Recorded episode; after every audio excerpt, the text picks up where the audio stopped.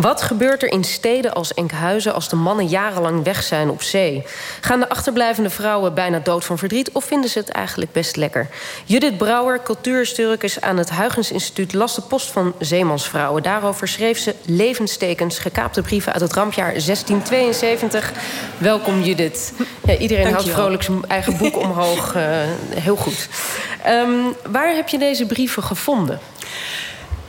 Ik heb ze niet helemaal zelf gevonden, mhm. maar ze liggen in de National Archives in Kew, uh, uh, vlakbij Londen.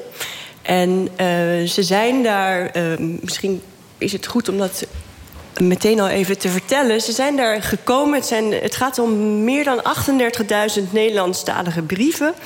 Die zijn daar gekomen omdat ze een onderdeel vormden van oorlogsbuit.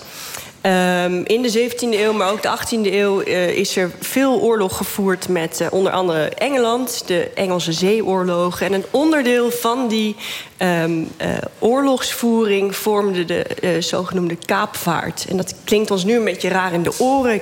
kapen ten opzichte van piraterij het kapen van schepen was legaal. Dat was volgens de wet geregeld. En het doel ook van die kaapvaart was om de vijand zoveel mogelijk schade toe te brengen. Nou, dat was legaal. Het moest volgens de regels der wet uh, gebeuren. Dus wat er gebeurde als er een, in dit geval Nederlands schip gekaapt was... Uh, werd het naar een Engelse haven uh, um, vervoerd.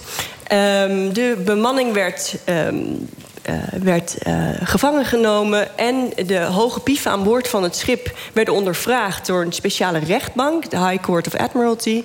En die moest bepalen, die rechtbank, um, of dat schip volgens de regels gekaapt was en of het behoorde tot inderdaad een vijandelijke natie. Mhm. En om tot een antwoord op die vraag te komen, werden alle um, papieren die aan boord van het schip mee waren genomen, um, uh, gebruikt om ja, eigenlijk om een antwoord te vinden op die vraag: is het schip uh, in dit geval uh, afkomstig uit de Republiek? En zo zijn ook die brieven die met uh, schepen werden meegenomen, zijn die altijd bewaard gebleven in het archief van die rechtbank, het High Court of Admiralty. Dus er zitten brieven bij van echtgenotes van zeelieden, mm -hmm. en mhm. die heb jij nou, bekeken. die vrouwen konden dus schrijven, blijkbaar. Ja, ja, inderdaad. Er is uh, wel bekend dat uh, de Republiek, dus Nederland, in de vroegmoderne tijd een hele hoge graad van uh, geletterdheid kende. En wat ik in mijn brieven uit het rampjaar 1672, want daar hebben we het over, um, gezien heb, is dat inderdaad een nou, ongeveer driekwart van die uh, brief uh, versturende vrouwen ook daadwerkelijk zelf een brief kon schrijven. En waar schreven die vrouwen dan zo al over? Ja, over van alles. Uh, uh, het, het, rampjaar 1672, dat is natuurlijk uh, in de boeken komen te staan als uh, voor zover je die term nog mag gebruiken, het einde van de Gouden Eeuw. We werden toen aangevallen door nou, Lodewijk XIV en Charles II. Ze kwamen net al eventjes voorbij. En door twee Duitse bisschoppen. De ja, er gebeurde heel erg veel op politiek gebied. De gebroeders de Wit werden opgehangen in um, Den Haag. Um, nou ja, zo kan ik nog maar, wel even doorgaan. Maar schreven die vrouwen daarover? Ze schreven ook daarover, ja. Dus wel politiek bewust? Ja, politiek ja. bewust. Uh, je ziet ook um, als je bijvoorbeeld uh, kranten, couranten uit die tijd naast de brieven legt... zie je ook echt een hele duidelijke beïnvloeding van de kranten... Van, uh, ten opzichte van de inhoud van de brieven. Dus ik heb ook wel tussen de brieven uh, kranten uh, teruggevonden. Uh, en ook dat de vrouwen in hun brieven schrijven... nou, ik stuur je een krant mee, dan kan je het ook zelf lezen... wat hier allemaal aan de hand is. Dus met andere woorden, um, in die brieven zie je duidelijk een interesse voor de politiek van dat moment. Maar aan de andere kant, als je er ook over na gaat denken... is het ook eigenlijk wel logisch dat ze zich interesseerden in die politiek. Want het hele wel en wee um, uh, en het, de, de behouden terugkeer van de man... die hing samen met hoe de, ja, hoe de oorlog zich ontwikkelde in dat jaar. Want die man zat over zee, uh, ergens in de oost of de west... moest weer terugkomen. Ja, wie weet werd dat schip wel gekaapt. Dus en die... wilden die vrouwen altijd dat hun man terug zou keren? ja, dat is een goede vraag inderdaad. Eh, we, we, nemen misschien snel aan van wel... maar aan de andere kant zijn er ook echt wel uh, voorbeelden... en dat zijn wel een van de meest fantastische brieven... waarin vrouwen ja, echt keer gaan tegen hun man... omdat ze weer via via hebben gehoord... Uh, dat hij ofwel zich laveloos in de oosten bevindt. En uh, uh, ja, echt de goede naam eigenlijk te grabbel uh, gooit. En er is ook een fantastische brief uit Enkhuizen uit november 1672.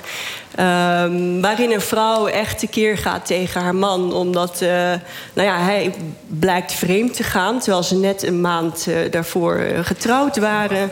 En die vrouw in kwestie, dus deze tweede vrouw... die, die declareert allerlei rekeningen in naam van hem... dus de ontvanger van de brief, bij de wettelijke echtgenoten.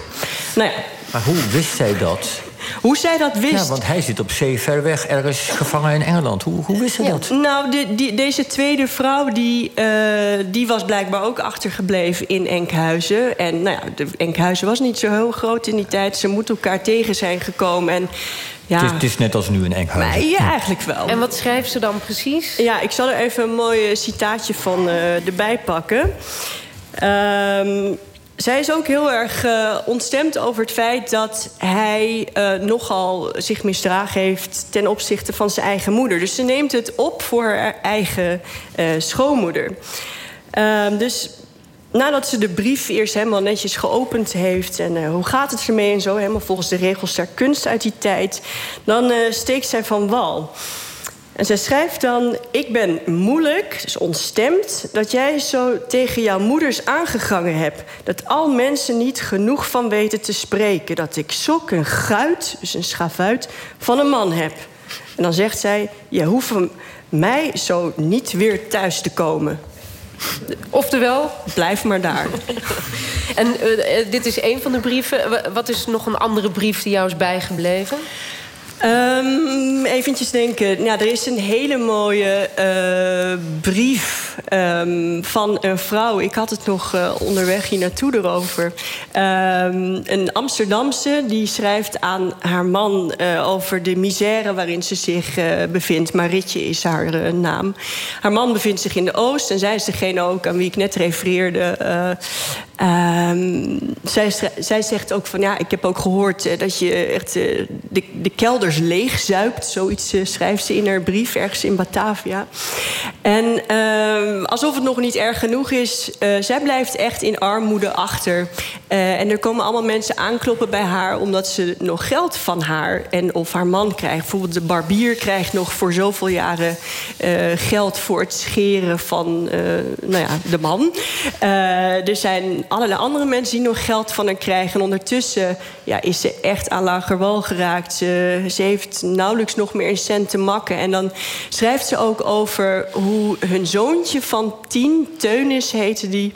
Um, ja, dat die zelfs met zijn vader mee was gegaan richting uh, nou ja, Noord-Holland. Uh, vanuit Texel vertrokken de schepen. Ik denk dus ook dat dat jongetje uh, eigenlijk bij de VOC zou gaan dienen. Ook om mm -hmm. een klein centje bij te dragen aan het huishouden. Maar dat jongetje van tien is teruggestuurd door zijn vader weer terug naar Amsterdam. Is in zijn eentje helemaal door Noord-Holland getrokken in de vrieskou.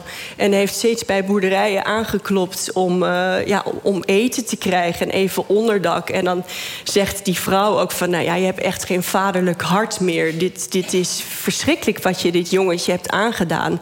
En ondertussen zit ze daar met de kinderen... en er zijn nog twee pleegkinderen waar ze voor ze zorgen moet. En ja, ze heeft eigenlijk gewoon niks om uit te geven. En wil hem toch een brief schrijven om dit allemaal hem te melden.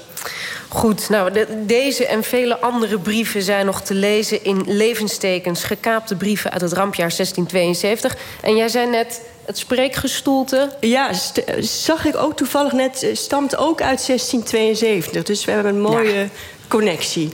Want wij zitten dus in de Wieringerkapel in uh, Enkhuizen in het Zuiderzeemuseum. Dus dat, uh, dat is toevallig. Uh, hartelijk dank Judith Brouwer. en ja, misschien horen we nog een volgende keer van je. Dank je wel.